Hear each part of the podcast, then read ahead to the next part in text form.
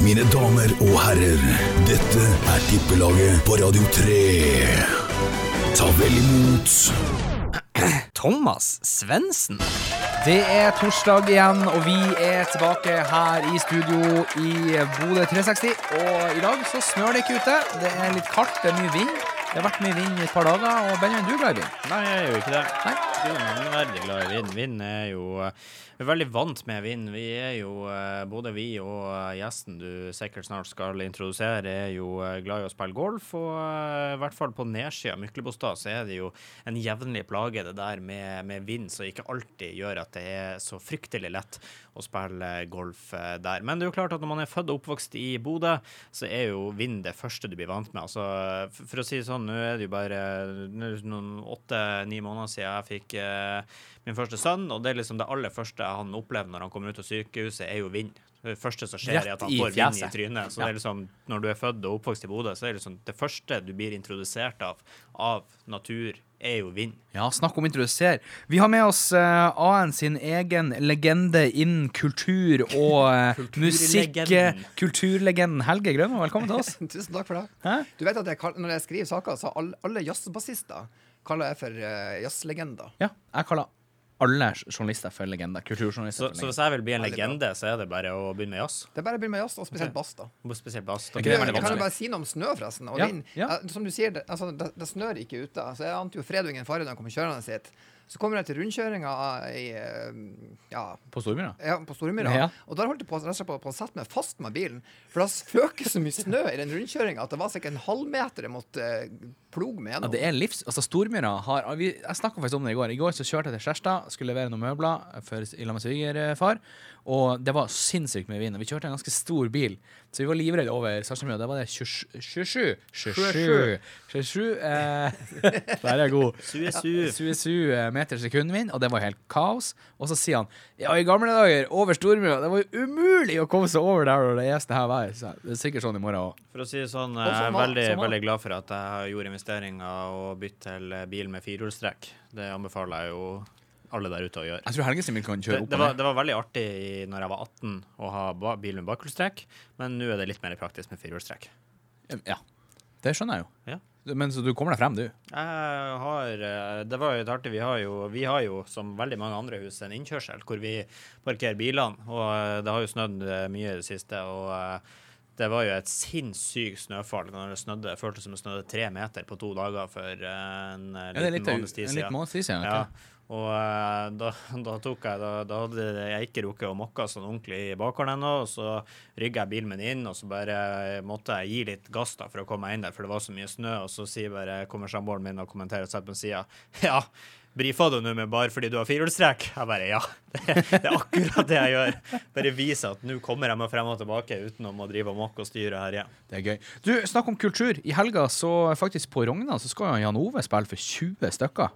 Der skulle vi vært.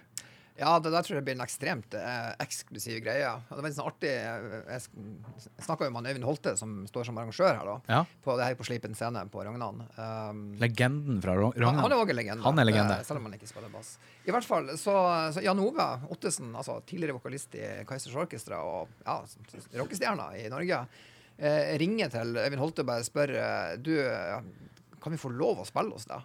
Eh, For alternativet for oss det er at vi setter inn buss på Mo i Rana og spiser pølse med brød.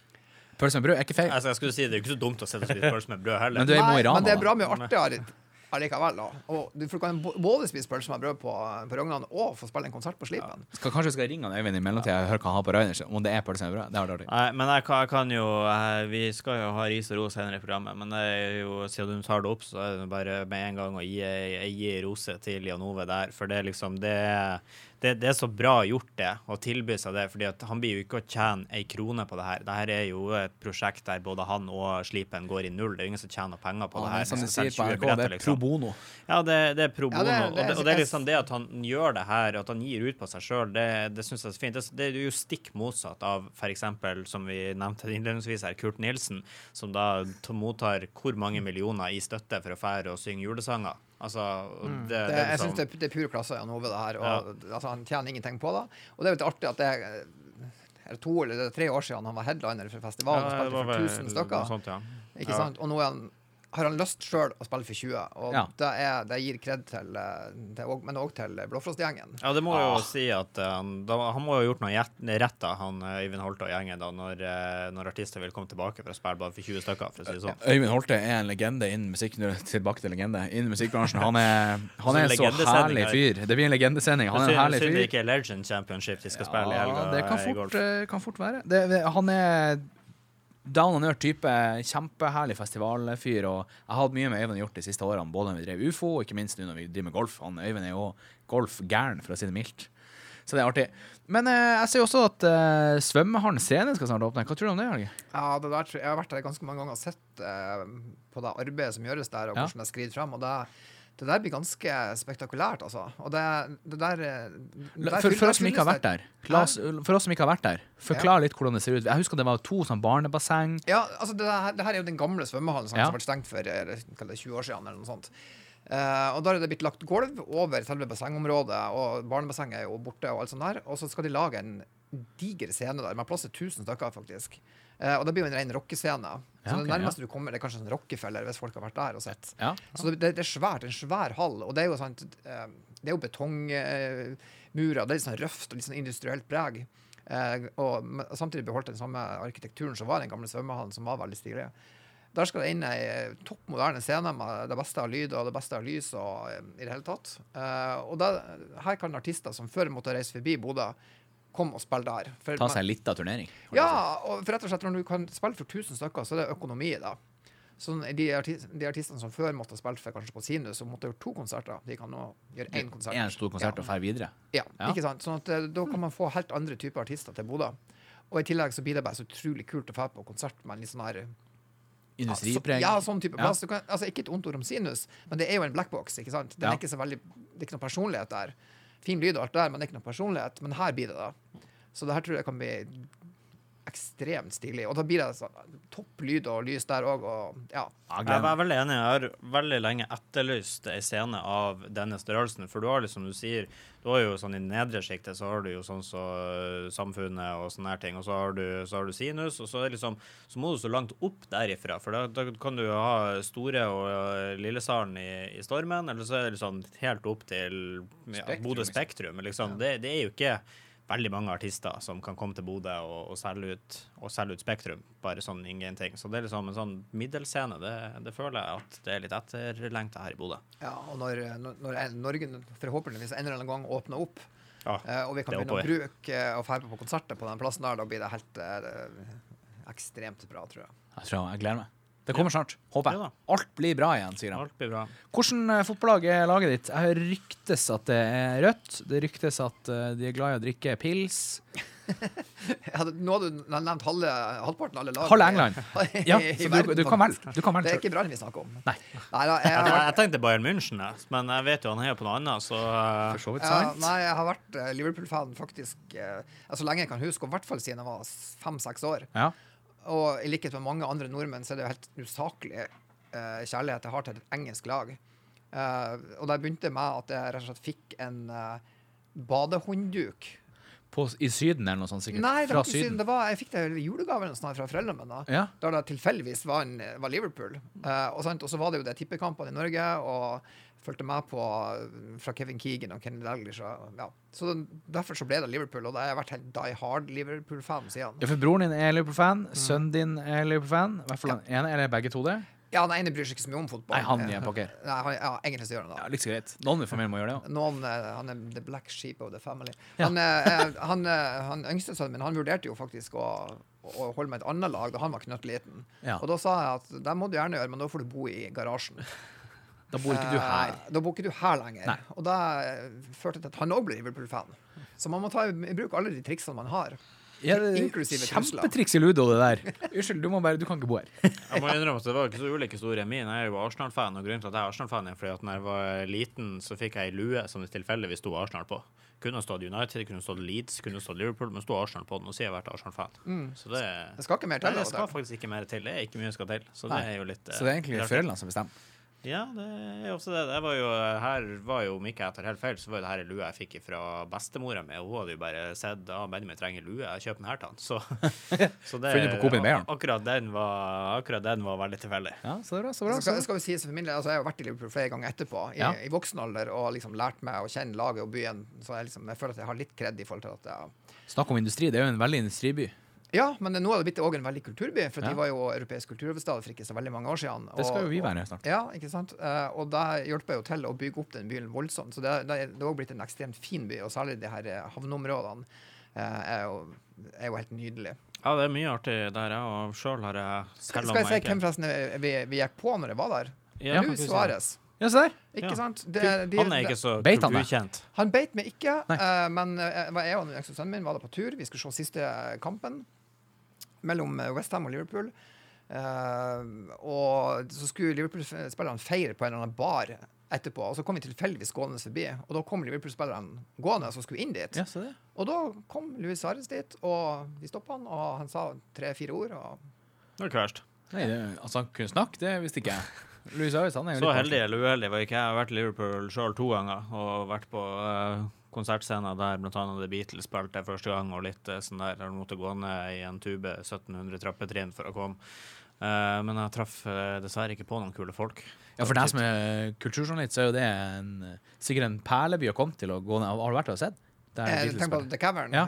Nei, jeg har faktisk ikke vært der. Uh. Problemet Jeg hadde med meg sønnen min, og han, da var han kanskje 13. Altså, han gadd ikke. Nei, ja, så Han var ikke så interessert i sånn her publivet på kveldstid, og jeg kunne ikke forlate ham på hotellet. Nei. Så Interessen din skorta på. jeg sk- skorte opp interesse. Ja, Aldersgrensa er vel 11 for å få ut og drikke i Liverpool, så det hadde gått fint. Den er fin. Ja, Du- det kan godt hende. Eh, siste uke så tippa vi. Ja, vi Da ble det jo gjør jo litt, ofte det i det eh, programmet her. Ja, det er jo det nok. vi heter. Tippelaget. Ja, nye. Nye. Ish. Du, eh, hvem vant? Hvem vant ikke? Nei eh, Ja, jeg kan jo vel krone meg sjøl som, som vinneren, egentlig. Vi var På den vanlige tippekupongen så var det ingen som fikk premie. Vi var da alle ni rette på søndagskupongen. Så vi var jo nær der, men eh, så nær også fjern, eller hva de sier. Eh, oddsen den eh, går det bedre på. Den har vi nå hatt to ganger på rad seier nå. Eh, det var jo én person som skilte seg ut på oddsen, som ikke fikk premie. Han heter Thomas. Han var jo helt sikker på at eh, Manchester City skulle slå Manchester United. Gjorde det jo altså ikke. Nei. Så eh, da ble det med da ble det med det på deg. Undertegnede han prøvde noe nytt. Han tippa bare på to ting. Vi hadde jo en golf spesialsending sist uke, så alle hadde jo tippa Hovland skulle slå deg første dagen. Det gjorde han jo med solid margin. Eh, så den fikk jo alle rett på. Og så hadde jo jeg sagt at eh, Bayern skal spille mot Dortmund denne helga. Det er 100% sikker på at han, eh, Erling Haaland kommer til å skåre mål. Han brukte to minutter på å skåre mål. Så to minutter ut i den kampen så hadde min kupong gått inn. Det ikke den store gevinsten, da, 317 kroner, men eh, Penger er Penger penger. er penger.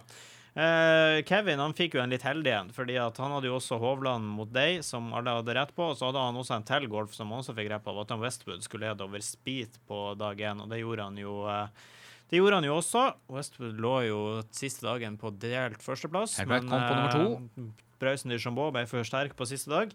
Eh, men så hadde han jo da den der han er lottotippen sin at han Aguero skulle skåre siste målet i Manchester City mot Manchester United. Det gjorde han jo da ikke, så i teorien så vil jo ikke da kupongene hans gått inn. Men så er det jo sånn i tippeverden at hvis ikke det, den har vært i spill, da, så blir den strøket. Eh, og han Aguero, kom aldri inn. Nei. Så derfor ble den strøket. Så da fikk jo han i stedet da rett på de to som er i spill, altså Hovland og Westwood, og da endte han totalt å vinne 315 kroner. Penger er penger. Så totalt sett så er det kun du som er igjen på minussida nå. Gjestene, eh, takket være fortsatt Thomas Nelson sin premie på 1129, er på pluss 1059 så langt i år. Undertegnede med min eh, premie er nå på pluss 172, mens du er fortsatt på pluss Nei, unnskyld, minus 132. Ja, men jeg, jeg har lært det hjemme. Alltid ta vare på gjestene dine først. Alltid ta vare på gjestene. Så får vi se om eh, dagens gjest klarer å eh, sende gjestene ytterligere i ledelsen, eller om vi tar igjen team gjester etter dagens sending. Ja, det kan være. Du, eh, litt golf. Det er jo golf i helga. Det er Players. Det er en av de største turneringene i golfverden. Nå er det akkurat et år siden Players begynte Han Viktor Hovland gikk ut, ble sendt hjem, samme som meg. Det er vel akkurat et år siden i morgen jeg ble sendt hjem fra USA. Og du ble Ja. sendt hjem fra Spania. Ja, vi var jo noen dager ekstra i Spania, for koronaen eh, kom jo ikke til Spania før tre dager etter når han kom til Norge. Nei, og Altså, han kom jo lenge før, men det var jo først da de stengte ned. Men, eh, men ja, nei, det stemmer det. Det har, Og så var det jo en lang pause før først utpå høsten opp starta de golf igjen. Så blant annet så gjorde jo det at Ryder Cup, som skulle være i fjor, ble utsatt. Den skal vel spilles på høsten i år, om jeg ikke tar helt feil. Den skulle egentlig bli spilt for ca. et år siden nå, Ja. tror jeg. Eh, så, så ja, det stemmer det. Og så er de jo ute og går nå, da. Så vi får håpe at det går bedre denne helga her med han Viktor enn sist. her. Han lå jo veldig godt an etter de to første dagene, men dag tre skjedde det noe. Og så kom han seg dessverre aldri tilbake igjen, så han endte jo langt bak i rekka der. Men han er fortsatt på andreplass på fellescup-ranken, og Det det, er ikke så verst. Han hadde vært på førsteplass hvis hvem som helst andre Enn Bryson DeChambeau hadde vunnet turneringa forrige helg. Men sånn. Men gjør det bra her. Bjarland trenger så strengt å bare gjøre det bedre enn Bryson DeChambeau, så kan han komme på førsteplass igjen. Det skal vi gjøre. Vi skal høre på litt musikk. I neste stikk skal vi også prate litt med Helge angående golf, for eh, det vet jeg at han er også en golfgeek. Og så eh, skal vi prate litt mer om kultur, og så skal vi oddse litt. Eh, Og jeg vet at eh, vi har eh, ganske safe odds i dag, i hvert fall dere to. Eh, Jeg har ikke det. Ja, jeg har funnet ut at uh, gå på litt tryggere oddser og kanskje bare ta to av de. Det, det, det er liksom, vi skal jo, vi skal jo uh, summere opp i slutten. Ja. Så det er jo den som vinner da, som vinner uh, the real deal. Så det er liksom Jeg, jeg, jeg går for suksess i det lange løp. Ja, det er bra. Benny, hva skal vi gjøre på musikk? Du, det er litt forskjellig som ligger klart, men uh, vi skal begynne med din favorittsjanger i hele verden, nemlig svensk partymusikk. Yes! Skal vi bare kjøre på, da? Kjør! Jeg kjenner en båt, hon heter Anna, Anna heter hon Og hun kan banna, banna det så hårt. Hun røyer opp i våran kanal. Jeg vil berätta for deg at jeg kjenner en båt. Jeg kjenner en båt, hon heter Anna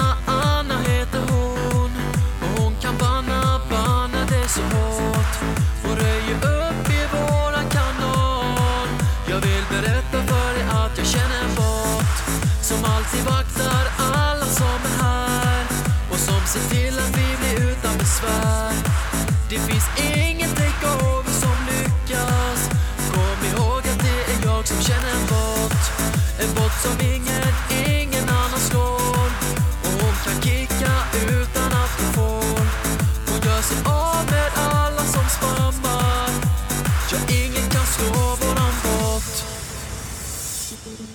thank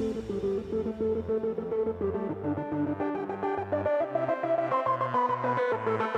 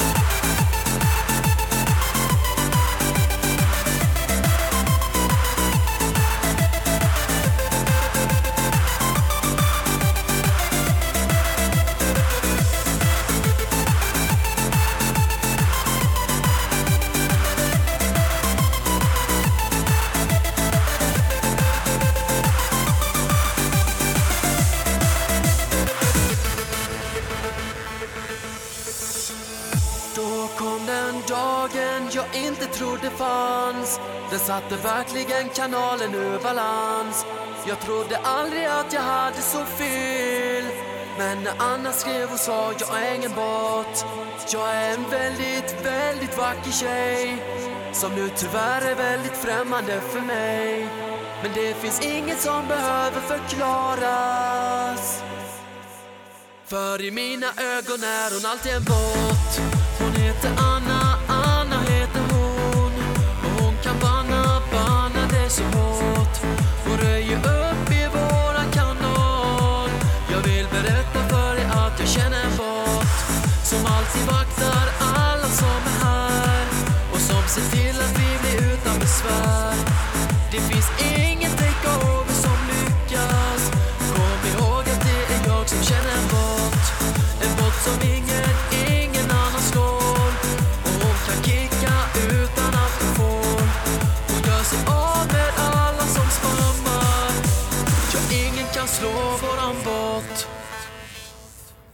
Botten, Anna under nye tippelaget. Ei låt eh, han eh, Helge sannsynligvis hadde gitt terningkast seks hvis han skulle anmeldt eh, i dag. Snakk om terningkast seks. lakris? Ikke lakris? Ikke lakris. Nei, Benjamin. Uh, nei, altså Du får ikke lakris nå, men liker du lakris, sånn, eller liker du Nei, ikke lakris? eh, det er jo da har, har, Er dere kjent med How I Met Your Mother, noen av dere? Uh, nei. Nei, dere, TV- TV-serien. TV-serien, ja. Ja. Eh, der er jo hun Lilly og Marshall, to av hovedkarakterene, de er jo eh, grunn til, Selv om det blir avkrefta senere i sangen, så er liksom de er perfekt eh, couple, da, på grunn av the olive theory. Den ene liker ikke oliven, den andre gjør det, så derfor så får alltid den ene den andre sine oliven. Åh, jeg, jeg liker ikke oliven, og Rebekka liker oliven. Ja, ikke sant? Eh, for min del så, har jeg, jo- så blir det jo da The Lacrease Theory med meg og Elisabeth. Eh, jeg, altså jeg spiser noen typer lakris, men jeg er ikke noen stor fan av det. Mens hun elsker lakris. Hun kunne sikkert hatt lakris på pizza. Eh, og, Æsj! så- så- så Ananas og lakris. Ja, ananas og lakris. Sikkert en drømmekombo for henne. Så, da, så da, hun får liksom all lakrisen. Det, Det var et veldig langt svar. Det var et langt svar, men det var et utfyllende Jeg vil ha en liten digresjon om, Dårlig, om uh, How I Met Your Mother. Ja. Ja. Hun som har, spiller hovedrollen der, hun har jo etterpå blitt en sånn slags Hollywood-stjerne. Hun spilte jo blant annet i Ventures, eller hva det var for noe. Hun Lilly eller Robin eller hun som er The Mother. Oh, Nei, hun som har hovedrollen, hun som er kjæresten til han uh, arkitekten. eh. Ja. Dette her er litt av poenget i historien. For Ja. Jeg kommer ikke på hva hun Altså, jeg har ikke noe forhold til navnet hennes. Nei. Og så fikk jeg faktisk Cindy eller Carly. Ja. Carly, tror jeg det. Hun er i hvert fall sånn bitte sånn Hollywood-stjerne etterpå. I hvert fall så fikk jeg tilbud om å intervjue henne for noen år siden. Hvorfor Eh, det? vi- via et management som bare lurte på hva vi interessert for at det var noe sånn her eh, En eller annen TV-serie hun skulle ha med. eller noe sånn her. Fikk jo en sånn her mail fra et management. Jeg ante ikke hvem det var for noen, for det kobla ikke navnet og ansiktet. Så du sa nei. Jeg sa nei. Ja, for det her er det hun Og når jeg da kom hjem for Ungene mine er sånn die hard Avengers-fan. Eh, og, de innså at jeg takka nei til å intervjue ei som er med i Avengers. Det var nesten, nesten bitch. Det var nesten at du måtte ut i garasjen. Ja, skulle du si det. Du, du, du, eh, du gikk jo hardt ut der eh, tidligere med at eh, hvis ikke sønnen ble Liverpool-fan, så måtte du ut i garasjen. Jeg ville tro at den uh, backfirer akkurat her. Ja, nei, jeg, jeg følte meg ikke så smart. Men det, det var litt det jeg skulle snakke med deg om før vi går inn i oddsen her nå. Hva er den råeste artisten eller personen du har intervjua, sånn du syns sjøl? Hva er den hyggeligste, artigste og litt sånn her Det, som er litt sånn spesielt med det er at Nesten alle de her Jeg har ikke intervjua sånne her Hollywood-superstars. Nei. Eh, men eh, altså, de, ut av de store artistene jeg snakka, så syns jeg alle sammen er veldig hyggelige. Ja. Og jeg tenker at Det er kanskje litt av grunnen til at de blir ganske store og kjente artister. Det er at de rett og slett er veldig hyggelige folk, og de, og de skjønner at de kommer ingen vei med å være drittsekker. Du har ikke intervjua de her Brooklyn hiphoperne som blir skutt Nei, de er ofte litt sånn her, de skal gjøre seg vanskelig. Og liksom, ja. jeg tror ikke jeg hadde fått snakka med Snoop Dogg da han var her. Og, altså, Jeg- sånn. Når jeg jobba i Atomvinter, så hadde vi jo Kid Ink på Sydøst. Jeg vet ikke om noen husker det. Der det kom sju stykker. Ja. Eh, og han gjorde ikke det på hyggelig, sånn som Jan Ove, for å si det mildt. Nei, han var Eh, han var skikkelig frekk. Og han bodyguarden hans han var tre meter høy og 17,5 meter brei. Eh, han var ikke noe hyggelig å prate med. Nei. Det, men eh, amerikanske rappere de er, litt sånn de er litt kjent for å være litt vanskelige. Ja, de tror de er det. Eh, men, men i hvert fall, tilbake til spørsmålet. Hvem er mest hyggelige? Eh, som sagt, de aller fleste er kjempehyggelige. Og jo mer kjent de er, jo mer hyggelig er de. Ja. Det kan være enkelte sånne her up and coming norske superstars som, som tenker at nei, nå skal jeg være så kul og gidder ikke snakke og skal være frekk og sånn her. De kommer seg ingen vei, og etter to år så er det ingen som vet hvem det er. Jeg har så gode eksempler på begge de du sier nå. Jeg vet ikke om jeg har lov å si Kjør! og, og nevne Ja. noen navn. Du kan- tenke litt på det. Men i hvert fall så, eh, så jeg snakka med utrolig masse hyggelige folk, artister og sånne ting. Og under Parkenfestivalen, og alle er jo bare helt overstrømmende fornøyd. Men den største opplevelsen jeg har hatt, det er faktisk med Liv Ullmann. Eh, tilbake til legende. Her er vi virkelig på legendenivå. Altså sånn norsk eh, skuespiller som er Hun spiller ikke bass, men hun er tidenes beste norske skuespiller.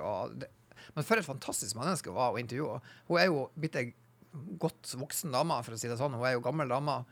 Eh, men altså, jeg, jeg ble bare Jeg ble bare rett og slett forelska i henne. For et nydelig menneske. Ja. Så hun uh, Sånne intervju som jeg virkelig husker, så er det å, å snakke med Liv Ullmann. Altså før meg Sting. Uh... Nei, ikke, nei, nå har jeg ikke snakka med Sting, faktisk. Der, ja. Eh, Brian Adams. Har, Brian Adams, har, har har Han var en kul fyr. Han var en veldig hyggelig fyr. ja. Um, er absolutt. Kulturjournalist vi skulle bli. Ja, det var det. Jeg, Ja, du kan jeg ble få- litt, jeg vil bare skyte inn at nå blir forelska. Jeg ble litt forelska i jo Dagny. Sigrid. Ja, og hun er jo vært forelska i lenge. Ja. Men jeg ble litt forelska i Dagny også, når uh, hun var her eh, for noen år siden. Hun var eh, innom studio, og syns jeg er flott av meg. Tromsø-dame. Hun er ganske pen nå. Ja, over til Oddsen. Over til oddsen! Eh, eh, eh, men Skulle vi ikke få noen snacks i historie? Ja, vi var venta på det. Har, ikke, Har du bestemt deg? Jeg har ikke, noe, jeg har ikke noen historie. Jeg har bare et par navn som eh, jeg har opplevd som mindre hyggelige, når de som Ja. er litt sånn høy på seg sjøl, som du beskrev. Eh, men, men det sånn, jeg gjør meg jo ikke noe sjøl en tjeneste over å henge ut eh, artister. Men, men det er liksom, jeg, jeg kan nevne ett eksempel av en artist som, eh, som jeg syns var litt Her høy på seg sjøl. jeg, jeg skal ikke nevne noe navn, men uh, hun er bergensbasert artist. Begynte på G og slutta på Abri Elle.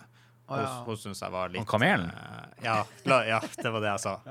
Så, eh, så, men, men, eh, men ellers er jeg enig i at de omtrent eh, alle artister som, eh, som jeg har prata med, eh, har som regel ofte vært hyggelige og flotte, flotte folk. Siden vi gjorde den kastebarn Jeg har jo drevet ufo i, i mange år. Vi hadde jo mye artister. Eh, jeg tror de kuleste folkene jeg hadde oppe hos meg, er Oslo S.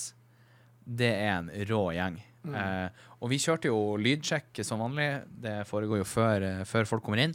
De kjørte hele settet sitt bare for noen av de frivillige hos oss. Og det var dritartig. Det er kult. Det var kult, og det var, det var, så, det var så rått. Og ufo Vi var jo ikke kjent for å ha den beste lyden i Norge, men det var jævla god lyd, egentlig. Jeg fikk jeg sagt det. Skal vi videre til det, da? Takk. Du, oddsen i dag. eh, vi har jo eh, som sagt gjort en ny greie. Og den greia er at vi tipper én, to eller tre ting som vi tror går inn. Objekter. Objekter. Yes. Eh, og eh, jeg kan begynne. Ja, Jeg har betta på City Fullham. Jeg har betta på at City vinner. Ja, du har jo betta på City om omtrent hver uke, uke, så du skulle nesten tro du er sånn Skap-City-supporter. Og forutenom kampen mot United sist, så har det også funka greit for deg. Ja, men vi snakka om det i stad. Det er faktisk i slutten av året det gjelder å ha mest penger på bok. Ja. Eh, sånn som resten av eh, livet. Ja, det er ofte sånn. Eh, så jeg tenker at jeg stå, kjører for det safe. City vinner 1,37 i odds. Ja, det Helge, hva har du er Eh, Jeg òg tippa på at City skal vinne. Ja. Eh, Grunnen til det her, det er sånn, det her De er jo øverst på det arket jeg har fått over kamper. Uh, og resten er jo sånne her totalt ukjente greier. Salford City mot Portsmouth. Altså hvem som Salford, aner er ikke det der han er laget som halve Manchester United uh, ei?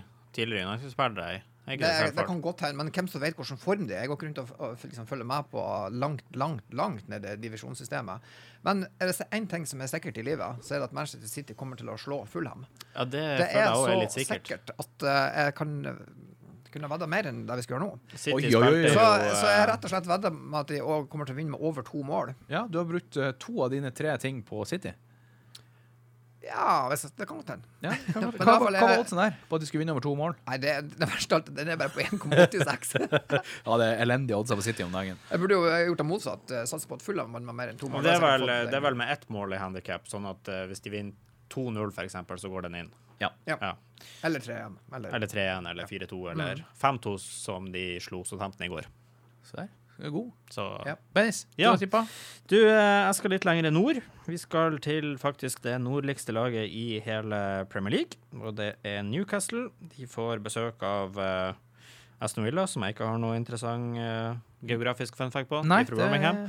Uh, jeg tror det her er, blir et målerikt oppgjør, uh, og at det blir minst tre skårte mål i denne kampen. Og Just. det har en odds på 2-12, som jeg syns er en god odds på noe som jeg føler meg ganske sikker på at det kommer til å bli minst eh, tre mål mellom Newcastle og Aston Villa. Altså. Skal du ha en fun fact på Aston Villa? Det kan ikke jeg få det? Jo. Eh, Den forrige biskopen i eh, Bodø Ja. Han var jo biskop for Sør-Hålogaland, eller hva det kalles. Eh, Ja. Torbjørn Jørgensen han var die hard Aston Villa-fan. ja. Og, og jeg gikk vel faktisk òg rundt med Aston Villa-skjerf, hvis jeg ikke tar feil. Å ja. På sånne vinterdager sånn? Ja, eh, og han er òg en super fyr.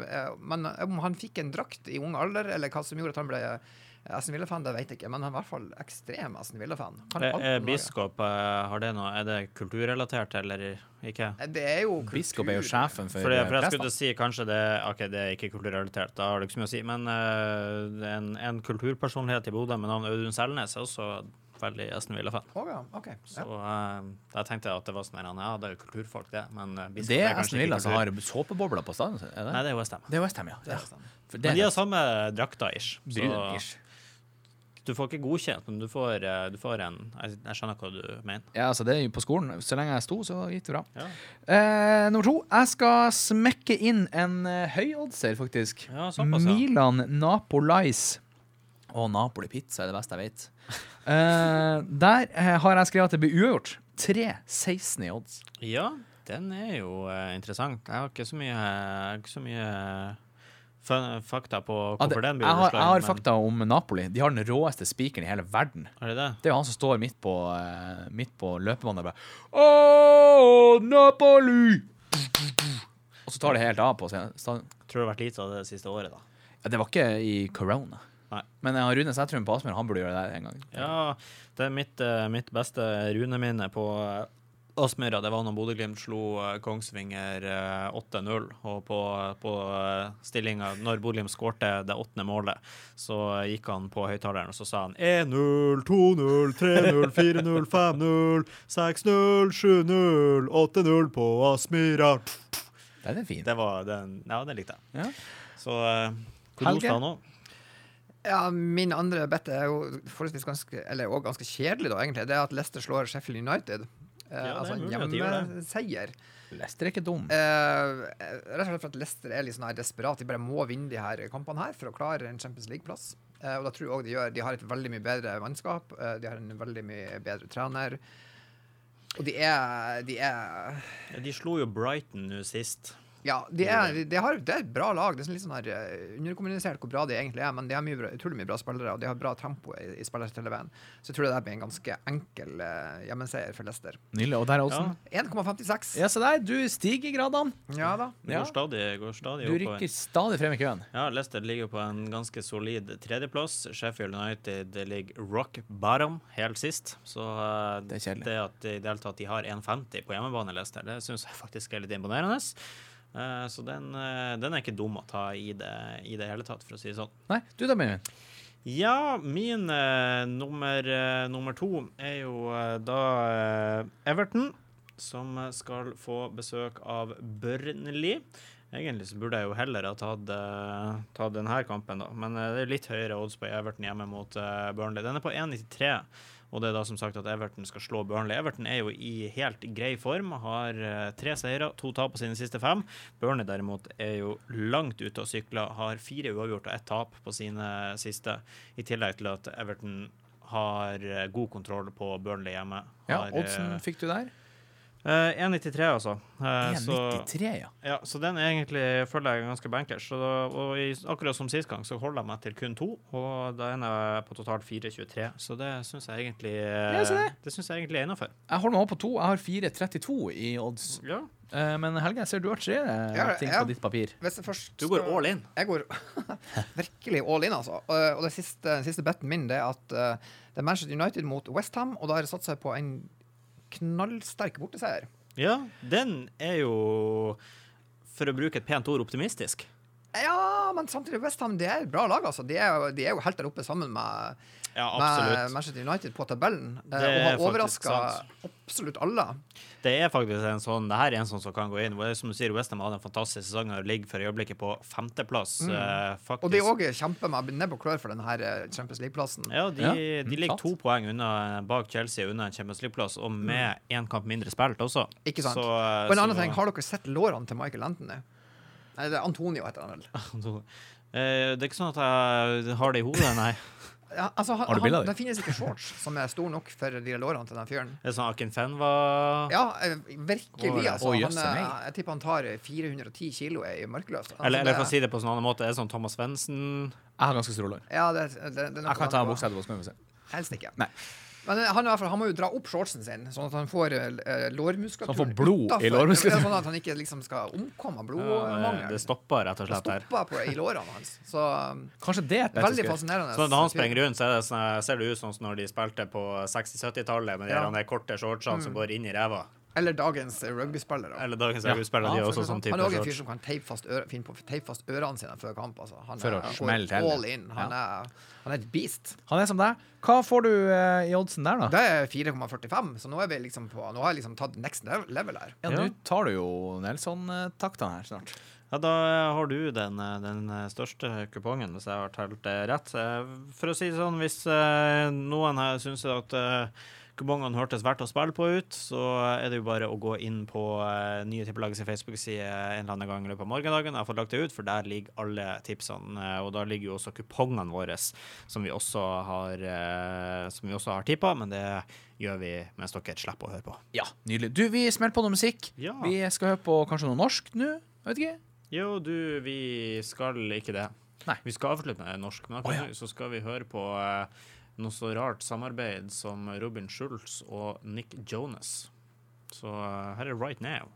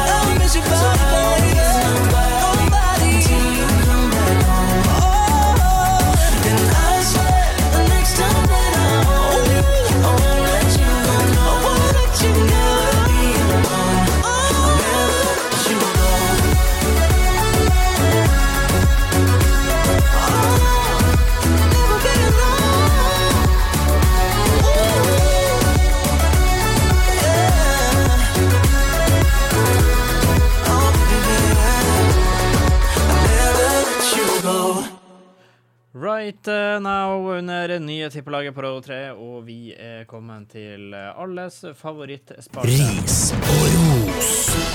Budsjettert uh, jingle, hashtag. Hashtag. Ja, ris og ros er jo vår super-superduper-spalte, der vi eh, enten sier noe hyggelig om noen, eller gir dem en kaktus til å ha på kontoret. Yes. Eh, Siv har gjest, en hyggelig gjest, en legende i kulturbransjen. Så skal du få lov til å begynne. Selv om han ikke spiller jazz eller bass. Du spiller bass. Eh, Jeg har spilt jazz, ja, men eh, ikke bass. Ja, Nei. Broren min spilte bass. ja fordi du har jo eh, Du har jo hatt noen kvelder på Piccadilly. Ja, ja det, er for så vidt sant, men jeg tenker jeg har også spilt Det har jeg òg, men jeg har ikke spilt jazz. Jeg har spilt i jazzorkester. Inni Her har du det. Men jazz. eh, ja. Jazz, hva spilte du da? Jeg spilte trombone Ja, i et storband kult. i Mosjøen på slutten av 80-tallet, faktisk. Begynnelsen av 90-tallet. Mosjøen jazz og band. Ja, det er så mye rett i den setninga. Ja, nei. Men i hvert fall, ris og ros. eh, Da du utfordrer meg på det her, eh, så begynte jeg å tenke sånn altså, Når jeg har problemer med å gi ros Nei, gi ris, så tenker jeg da skal man kanskje heller ikke gi ris. Nei. Men hvis vi nå begynner den enden. Ja. Det er en ting som alle tenker på, og som alle snakker om i disse dager, og det er jo vaksiner. Ja. Eh, altså, det, eh, det, det, det her skal jo få oss i gang. ikke sant? Det her skal åpne opp Norge. Det her skal gjøre det mulig for oss å gi folk en klem og dra på konserter og leve som vanlig og dra på restaurant og drikke vin og altså, sant? Ta på. Piccadilly. Ja, ikke sant? Vaksiner. Ja. Og så registrerer jeg jo bare da at uh, Israel er snart fullvaksinert, England er halvparten vaksinert, flere andre land har klart det, som er utenfor EU-systemet. Mens i Norge så er vi liksom på Vi har vaksinert to og en halv Sy, stykk. syv, nei, kanskje fem-seks prosent, tror jeg. Ja, i hvert fall veldig få er vaksinert. Uh, og da kjenner jeg på at kanskje noen ikke har gjort helt jobben sin uh, i forhold til å sjekke om vi kunne få tak i vaksiner andre plasser enn via EU-systemet. Um, Vi er jo et lite land, så vi er jo veldig nedprioritert. vi er nedprioritert, men samtidig ikke er vi med i EU heller, er så skjønner jeg ikke hvorfor vi skulle, stå vi skulle via kunne, det. vi kunne ha spurt sjøl, og vi gjorde det visstnok. Men uh, da vil helsemyndighetene ikke gå ut med den informasjonen. Hvem de har snakka med, hvilke avtaler som ble gjort, hvilke avtaler som ikke ble gjort. Ja. Så bitte liten ris der. Kanskje vi kunne vært litt mer proaktive, som det heter, i forhold til å prøve å få tak i vaksiner. Så kunne vi vært enda litt lenger nærmere en løsning på det her. Ja. Men samtidig så vil vi leve i Norge. Vi har det sinnssykt bra, sånn at jeg skal ikke klage. Og jeg er heller ikke sjuk. Sånn um, jeg jeg er sånn, jeg er sånn enig og uenig i det her, fordi at, uh, fordi at uh, det er jo sånn der og da, når, uh, når Norge gjorde den avtalen, sånn, så ble de lova at de skulle få så og så mange vaksiner. Og det er jo ikke regjeringa feil at ikke de som laga vaksinene, ikke har klart å levere nok som de sa de skulle gjøre. Det kan jo ikke regjeringa noe for. Men, men, men det er derfor det irriterer meg sånn som nå i ettertid, at nå er det jo lov å være etterpåklok. Man kan se at OK, vi burde ha gått en egen vei. Eh, se sammenlignet med andre land som har vaksinert mange flere. Vi har ikke fått det vi ble lova, og det har gått dårlig til nå. Og så sånn her, det blir jeg så irritert at politikere skal være så forbanna sta og stå på sitt. Altså, kan du ikke gå i det minste ut og si ah, vi gjorde en liten feil der, sorry, eh, det, vi burde ha gjort noe annet. Altså, Innrøm nå i det minste at det her var en bad call, istedenfor å stå med rakrygg og bare ja, Det blir det motsatte av rakrygg. Men stå der med å late som at eh, ingenting er feil, og alt vi har gjort, er helt rett, når det overhodet ikke er det. Det må nå være lov til å innrømme feil bare én liten gang. Var det din ja, ris? det, Ja, jeg slengte meg på det. Ja, men sånn visdomsord. Trenger ikke være politiker for å etterfølge det eksempelet der. Man kan jo egentlig bare innrømme feil og si unnskyld uansett hvor man befinner seg i Hierarkiet. hierarkiet eller hvilket samfunnslag man befinner seg i. Men uh, spesielt politikere. Hvorfor i all verdens rike skulle de ikke gjøre feil? Det er jo helt menneskelig.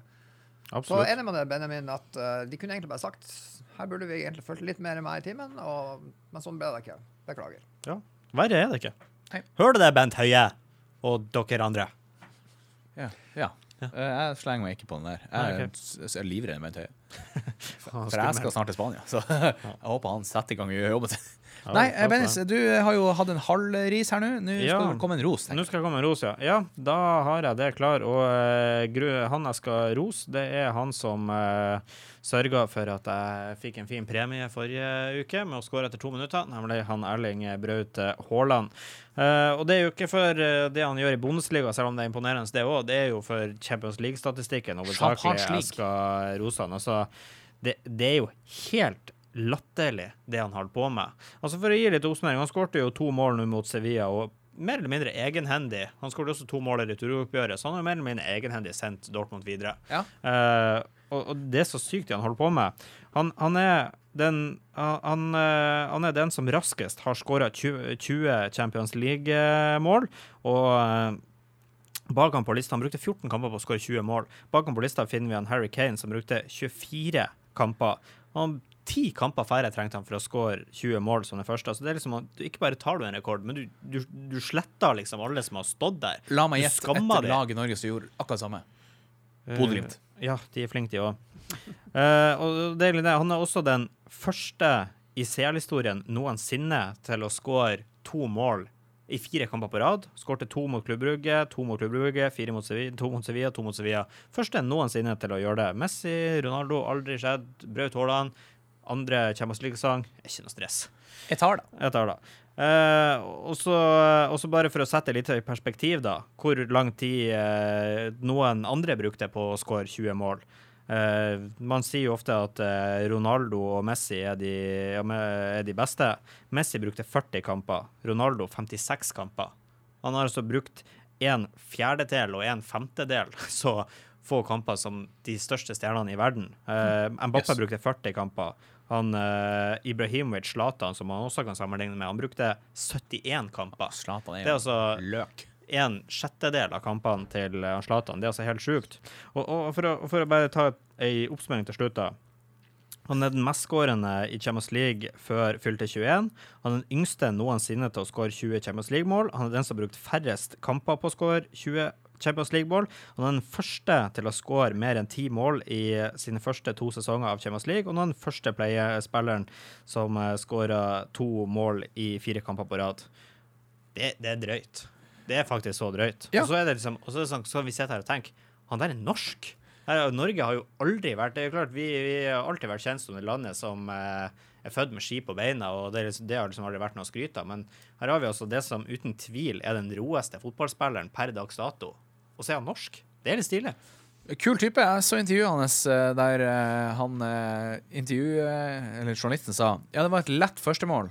Og så Ja, forklarte ja. han Haaland- ikke enig. Det kan du bare drite i, for det var ikke et lett. Det er mulig du ser på det som et lett ja. mål, men for meg var det ikke et lett mål. Det var en bra mål mellom beina og godt gjort. Og Hadde du sagt det til Trump, så han kasta deg ut.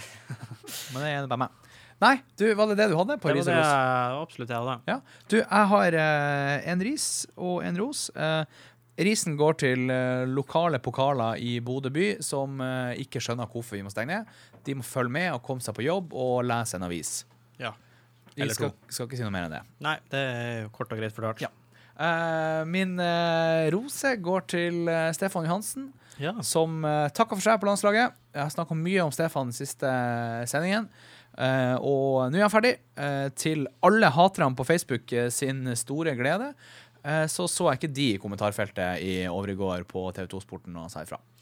Nei, det er fint. Og Ja, ja, Stefan er òg en veldig veldig god fotballspiller. Han har spilt i toppdivisjon i England i mange mange år, har hjulpet Bodø-Glimt, har hjulpet flere norske klubber, og landslaget er han en bauta på. Jeg, vi snakka med Patrick her og Marius Lode, og de skrøt jo Stefan opp i skyene at han hjelper til med første uken på, på landslaget. Så eh, takk for det, Stefan, og så lykke til i Queens Park Rangers. Som han for så vidt også har gjort det bra i. Ja, ja, han er god der nå. Så det er så bra. Ikke dumt, ikke dumt. Jeg fikk aldri gi min ris. Jeg ba, jeg, jeg Nei, du skal få den. Nei, min, min Ros. ros, jeg. Jeg, få ris til, eh, til eh, vaksinegjengen. Ja.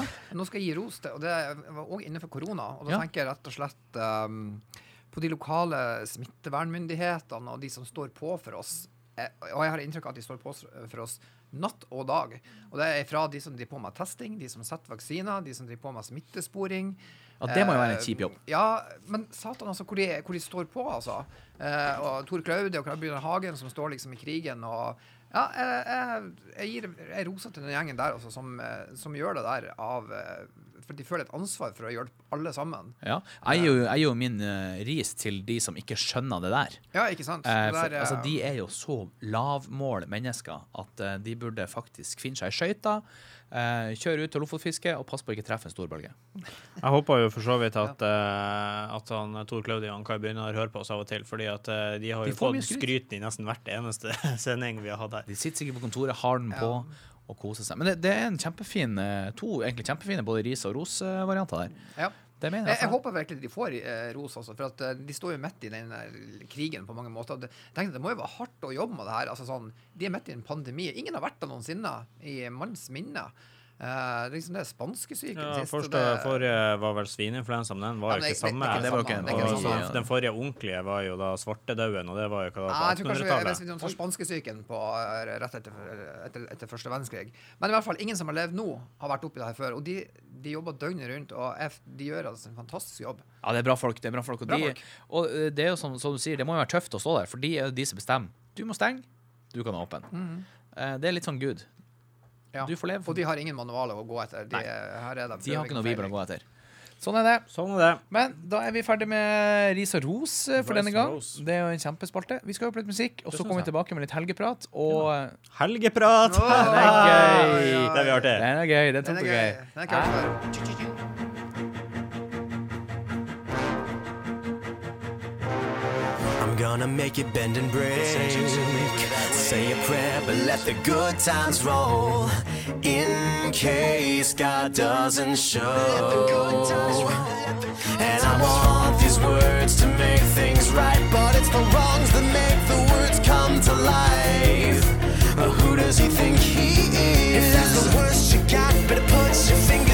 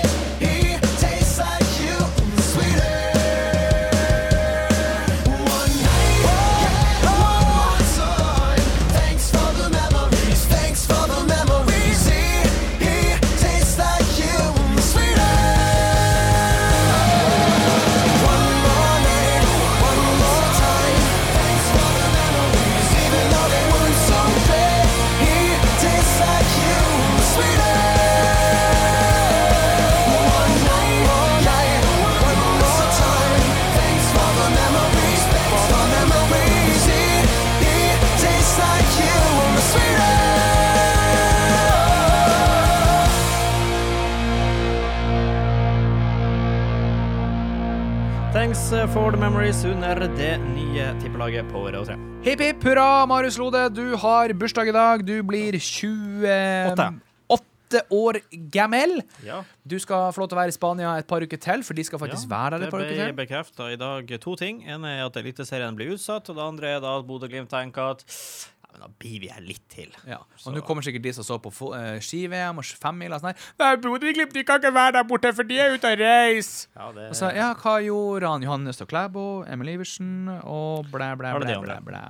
Ja, nei, eh, som sagt, eh, for min del så, eh, så har jeg sagt hele tida at folk får for guds skyld lov til å mene at de syns det er dumt at Bodø-Glimt reiste til Spania. Det er deres mening, og jeg har alltid sagt at folk skal få lov til å ha sine meninger, derfor vi har ytringsfrihet og alt sånt der. Er Men da får de pinadø også mene at det er helt fullstendig gærent at alle de her langrennsløperne og håndballfolkene og alt mulig andre folk også reiser. Helt enig. Helge, hva syns du om det? At Glimt reiste? Jeg, jeg, jeg syns ikke det er så enkelt å bare si at, at du kan sette opp mot eh, skiløpere. Uh, det har jo, sånn prinsipielt sett, så har det jo en, en veldig dårlig signaleffekt at, uh, at et fotballag skal reise dit. Og, og det er jo ikke sånn at alle fotballag i Norge reiser dit. De aller fleste fotballag har bestemt at vi ikke skal fære. Glimt ble jo vel det eneste. Ja, ikke sant. Sånn at, eh, så det er ikke et enkelt Altså, jeg, jeg skjønner at de drar, og det er en ekstremt viktig sesong for Glimt. De skal inn i Champions League-kvalifisering. Eh, de, er, de har vært, det har vært mye karantenetrøbbel for dem, så de har liksom ikke fått komme i gang ordentlig. Så jeg, jeg, altså, det er ikke noe tvil om at laget trenger det. Eh, samtidig så er det veldig mange som trenger mye rart i det her, disse tider. Jeg trenger sand mellom tærne. Jeg trenger, jeg, jeg trenger en Spania-tur, jeg òg. Eh, vet du hva jeg trenger mest? Jeg trenger trenger jeg, jeg trenger egentlig å kunne bare føle at jeg er ikke redd for noe lenger. Ja, jeg forstår sant. Eh, I stad skulle jeg inn på en butikk og kjøpe en sykkellås. Og rett før jeg kom inn, så innså jeg at jeg glemte å ta på meg munnbind. Ja. Jeg måtte bare sprenge tilbake i bilen og ta på meg munnbind. Og sånn, den der, den der, altså, jeg går jo ikke rundt og er livredd, men det stikket der du føler at du er litt grann sånn bekymra, litt redd hele tida. Litt for deg sjøl, men òg mest for kanskje folk rundt deg som er gamle. Jeg tror du skulle si noe artig at du glemte å låse sykkelen din, men eh, Nei, jeg er livredd for det. Ja. Ja, Nei, sånn at det, er ikke helt, det er ikke helt sånn svart-hvitt, det her med, med Bodø-Glimt. Eh, og det er veldig mange som Jeg, jeg kunne si OK, kan vi alle sammen dra på et all inclusive eh, fengsel i hermetegn da, i, i Spania, bare, hvis alle bare tester seg på forhånd og, og reiser under trygge omstendigheter? Man kan ikke det. Alle kan ikke gjøre det. Nei, det. Hvis alle toppidrettsutøvere skulle gjøre sånn som Glimt, så er det snakk om 7000 stykker som, som kan finne ut at de skal reise til, eh, til Syden. Og da er det plutselig ikke så sikkert. Men ja, det er ikke et enkelt spørsmål. Så, Nå innser jeg at jeg høres ut som en skikkelig kverulant, men strengt tatt så kan jo alle gjøre det. Det er bare at da må du i karantene når du kommer hjem igjen, og ja, det er ikke alle som har mulighet det, til men å hvis alle gjør det, så Alle har ikke mulighet til å råd til å gjøre det. kverulant. Ja, da, det, Men da er det ikke så sikkert plutselig, for da er vi plutselig 7000 stykker som er ute og reiser. Men vi går over til noe enda hyggeligere. Ja. Helg. Helg. Helgepraten. Helge. Helgepraten. Helgepraten. Det er hyggelig. Tenk at det har jeg hver dag. Ja. Ja, med deg sjøl eller med er kjerringa? uansett hvem som prater med meg. Ja. Jeg bruker å si det der inne. Helgepraten. Det skal vi si det. I. Ja, nei, det er helg. Benjamin, hva skal du gjøre i helga? Du skal ikke til Sverige, i hvert fall. Nei, jeg skal jo ikke det med det første. Nå har jo Sverige stengt grensene eh, til oss til og med 31. mars, så vi får se om jeg kan ta uh, aprilhelga i Sverige. Da må jeg selvfølgelig karantene, men eh, det er jo noe av det som er artig nå, da, eh, som jeg skulle til å nevne. At eh, nå blir jeg strengt tatt å få muligheten til å ta så mye karantene jeg bare vil. For i i morgen, morgen er jo min siste arbeidsdag på fem måneder. Jeg skal jo ut i eh, pappapermisjon fra mandag, så eh, Fem måneder er ganske lenge. fem, måneder, fem måneder det er helt cirka, til helt til eh, midten av august, det. Så, så ja, så, så det er jo det som blir starten på helga mi, blir jo starten på pappapermisjonen. Så må vi jo feire det på et vis, da. Eh, så det blir, jo, det blir jo spennende. I tillegg til det så eh, har vi jo prata litt om det i starten. Viktor Hovland spiller nå. Han har jo ikke fått en nevneverdig god start. Han starta med en dobbeltboogie på eh, sitt andre hull. Svarte med en birdie. Så er pluss én idet han eh, putta på eh, sitt femte hull for dagen nå. Ser det ut som han putta for par. Så, eh, så han har ikke fått den beste starten, dessverre. Men han blir sikkert å følge med på så lenge han klarer cutten, og det regner jeg med han klarer, siden han har klart det 22 ganger på rad før det her. Men eh, Og så skal jo også Arsenal spille sånn her Nord-London-derby på eh, lørdag, tror jeg det. Hvis ikke det er søndag, men jeg tror det er lørdag. Og det tror jeg også blir litt artig å se på, så det må jeg kanskje, kanskje få med meg. Arsenal Tottenham. Yes. Ja, det er bra. Så det er, Søndag det er er mine, mine planer. Det jeg hadde jo egentlig håpa at uh, man kunne liksom begynne å se fotballkamper ute på sportsbarer og sånn igjen, men uh, det blir jo ikke med det første. Så da blir det Ja, du hjemme kan jo det. Ja, du ja, Har de, har de, Ja. har de opp, fortsatt åpent, eller har de stengt? Nei, de er åpent. Du kan spise burger og drikke brus. Ja, ja. Brus er jo for så vidt kjedelig. Det er jo f kanskje Av og til det.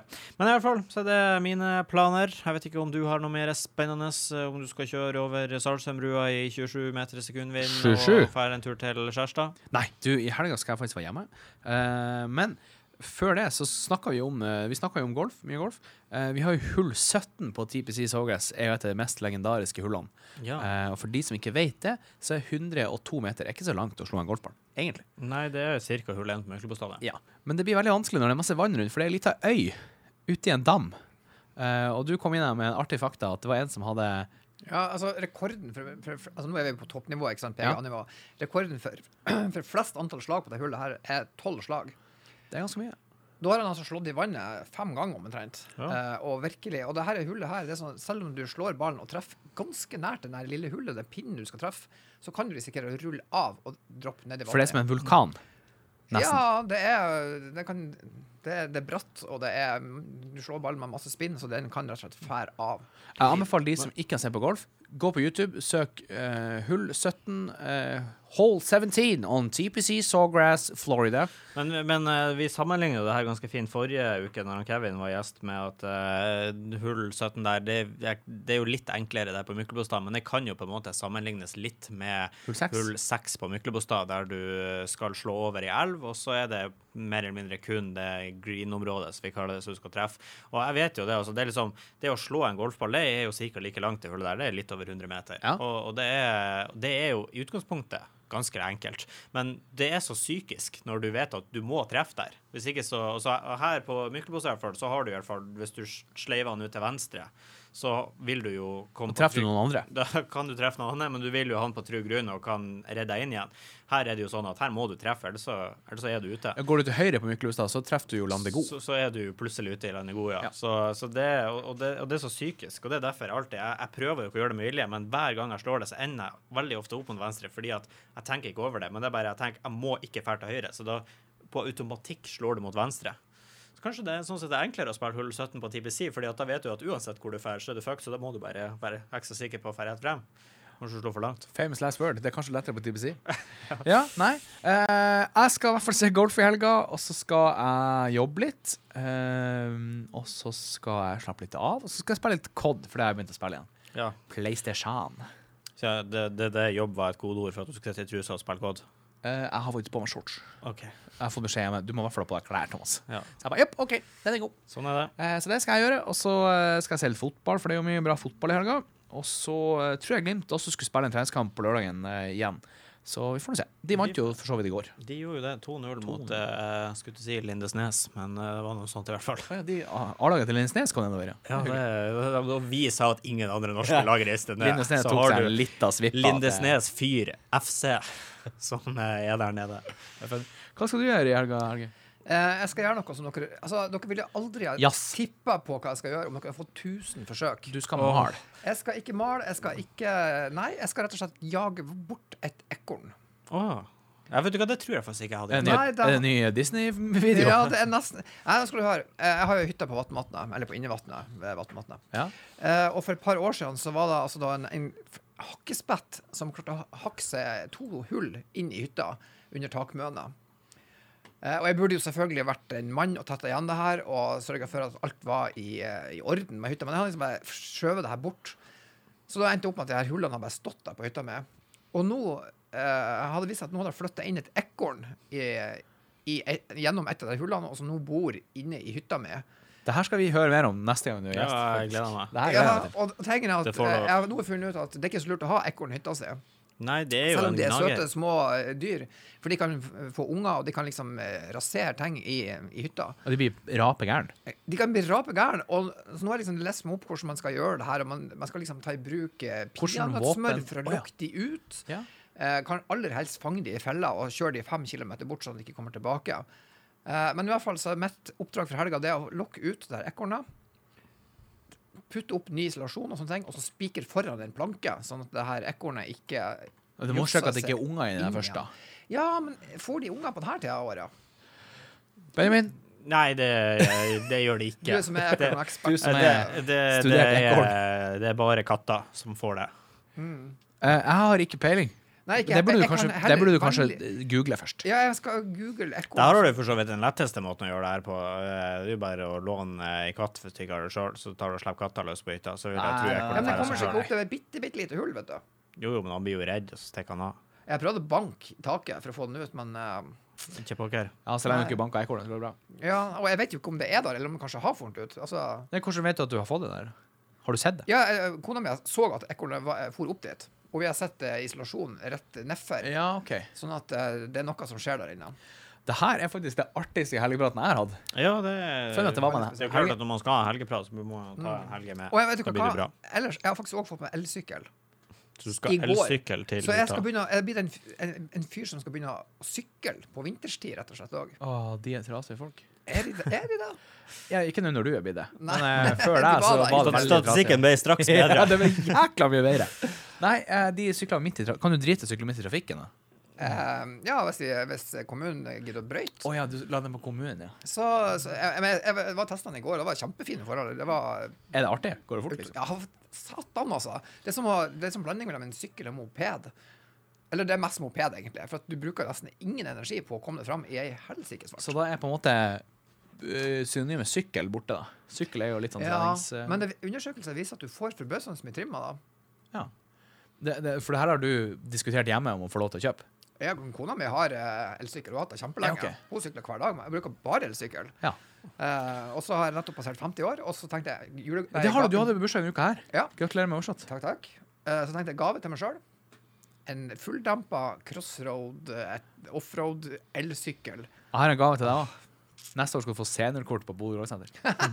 Jeg gleder meg til. Ja, det er, det er et dårlig tegn når man får det. Ja, det bruker å være det. Nei, eh, vi skal gjøre det i helga. Eh, Helge han skal faktisk på med gamasjene og gå opp på hytta og få ut et ekhyrn. Yeah. Eh, Disney Channel ringte og spurte om de kunne lage en video av det. Eh, jeg svarte nei. Jeg skal selge rettighetene. Ja, du blir sikkert steinrik eh, med den historien der. Snipp og snapp-avdeling. Snipp, snapp, snute, så var tippelaget ute. Ja. Vi ønsker alle sammen ei riktig god helg. God golfhelg, fotballhelg til guttene nede i Spania. Lykke til. Marius Lode, gratulerer med dagen.